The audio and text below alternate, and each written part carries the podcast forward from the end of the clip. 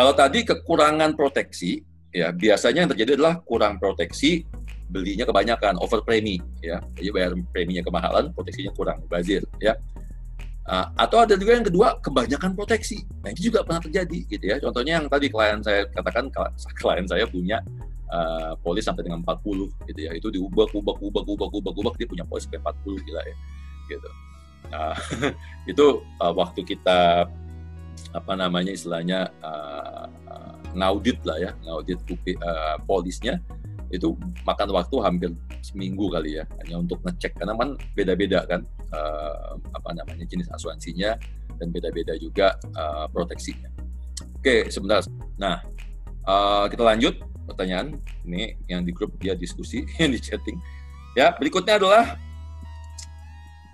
Nah tadi ya tidak tahu besarnya kebutuhan uang pertanggungan ini ini jadi uh, problem salah satu problem utama yang sering terjadi ya orang nggak tahu besarnya uh, uang pertanggungan menyebabkan tadi ya salah beli.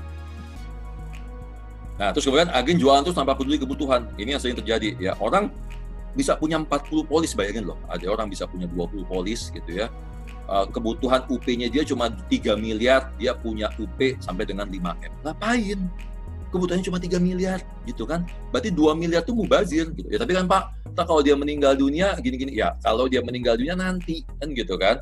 Untuk nambahin UP 2 miliar kan berarti dia mesti keluar uang bayar premi gitu. Kenapa nggak preminya diinvestasi aja gitu ya.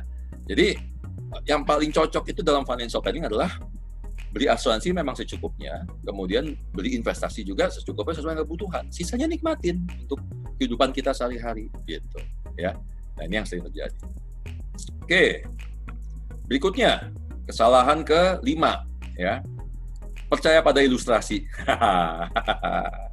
ya, ini ini klasik banget ya. Zaman dulu ilustrasi itu nggak ditata tangan, ya. Zaman dahulu kala ilustrasi nggak ditata tangan, ya. Tapi sejak 2008 kalau nggak salah sejak kasus sejak respon 2008 apa itu ilustrasi kemudian ditanda tangan. Itu pun sekarang sampai sekarang masih banyak yang juga salah dan banyak orang yang percaya. Namanya ilustrasi, ya, mencoba menggambarkan gitu loh, ya kan? Proyeksi ke depan seperti apa? Apakah akan seperti itu tercapainya? Tidak, gitu ya. Banyak agen menggunakan ilustrasi, menggunakan angka yang uh, di setup. Saya nggak tahu ya, apakah memang di setup secara sistem atau memang di setup uh, seperti itu angkanya fantastis gitu. Best skenario 20%, ya, medium skenario 15, worst skenario 12. Belum tentu ya.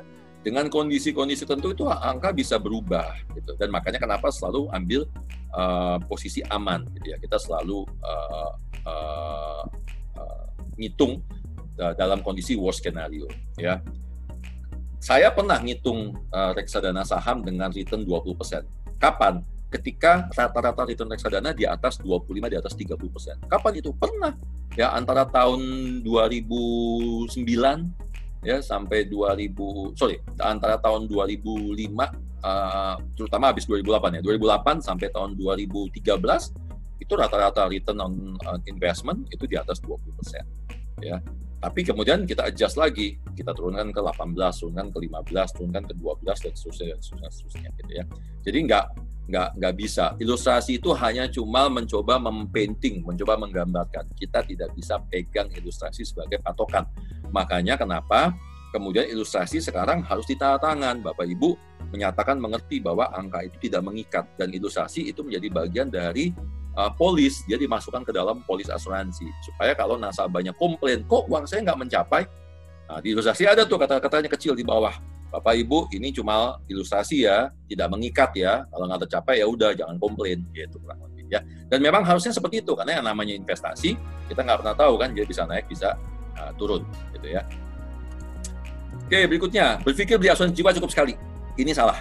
Dan sebenarnya kalau agen mengerti pola pikir seperti ini dia dia dia tidak perlu repot untuk uh, apa istilahnya mencari klien banyak sekali nggak perlu ya karena kenapa? Karena setiap tahapan dalam kehidupan kita, life stages need different insurance, ya. Ketika Anda masih kecil, masih bayi, yang Anda butuhkan asuransi kesehatan. Ketika mulai beranjak dewasa, ketika mulai menikah, Anda butuh asuransi jiwa. Tahapan menikah, kemudian punya anak, anak satu, anak dua, anak tiga, sampai menua, Anda akan butuh different insurance, ya. Dan nggak punya nggak cukup hanya satu, belum tentu satu ya. Uh, dalam pengalaman saya pegang klien, uh, saya pernah nambahin klien asuransi klien sampai dengan 15. Tapi sesuai dengan UP-nya dia dan sesuai dengan kebutuhan. Jadi kita starting dengan dua polis, kemudian tiap tahun nambah satu, kemudian dua tahun sekali nambah lagi, kemudian tiga tahun sekali nambah lagi, terus nambah polisnya ya. Jadi um, karena kenapa balik lagi kan kehidupan kita beda-beda ya. Sekarang kita hidup dengan 5 juta per bulan. Dua tahun depan kita hidup dengan 10 juta per bulan. Lima tahun lagi kita hidup dengan 20 juta per bulan. Itu aja udah beda. Angkanya udah beda, UP-nya udah beda.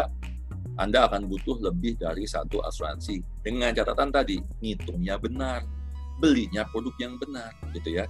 Rata-rata on satu life cycle um, satu keluarga ya itu akan butuh sekitar satu orang, maaf satu orang itu akan butuh sekitar dua sampai I would say sampai delapan polis ya dalam satu siklus kehidupan ya. Um, sementara kalau dia satu keluarga dengan pasangan dan punya anak, berarti Anda akan hitung aja tuh satu keluarga aja Anda bisa jualan kalau rata-rata butuh 3 sampai 5 polis anak suami istri anak berarti Anda bisa jualan easily easily 10 sampai 15 polis dalam satu kehidupan, satu lifetime kehidupan ya. So jadi sebenarnya uh, nggak uh, perlu takut kita nggak bisa jual asuransi buat teman-teman agent ya. Uh, UP aja itu kan tiap tahun naik ya kebutuhan UP saya. Sekarang saya butuh UP satu miliar. Tahun depan saya butuh UP 1,3. Itu udah naik 300 juta. Ya kan? Nah, tinggal saya mau beli nggak kalau misalnya ternyata oh UP-nya 300 juta, nggak ada nih asuransi yang jual 300 juta UP karena ada minimum premi minimal harus 500 juta ya udah saya tunggu dua tahun lagi dua tahun lagi saya beli lagi satu polis dengan UP 500 juta supaya preminya masuk. Berarti saya punya 1,5 berarti saya tiap dua tahun sekali bisa beli uh, polis asuransi baru. That's what happened ya kan? Atau bisa juga kondisinya saya kelebihan asuransi tadi. Beberapa polis saya potong ya. Contoh saya uh, kemarin habis nutup salah satu asuransi saya karena saya punya tiga gitu ya.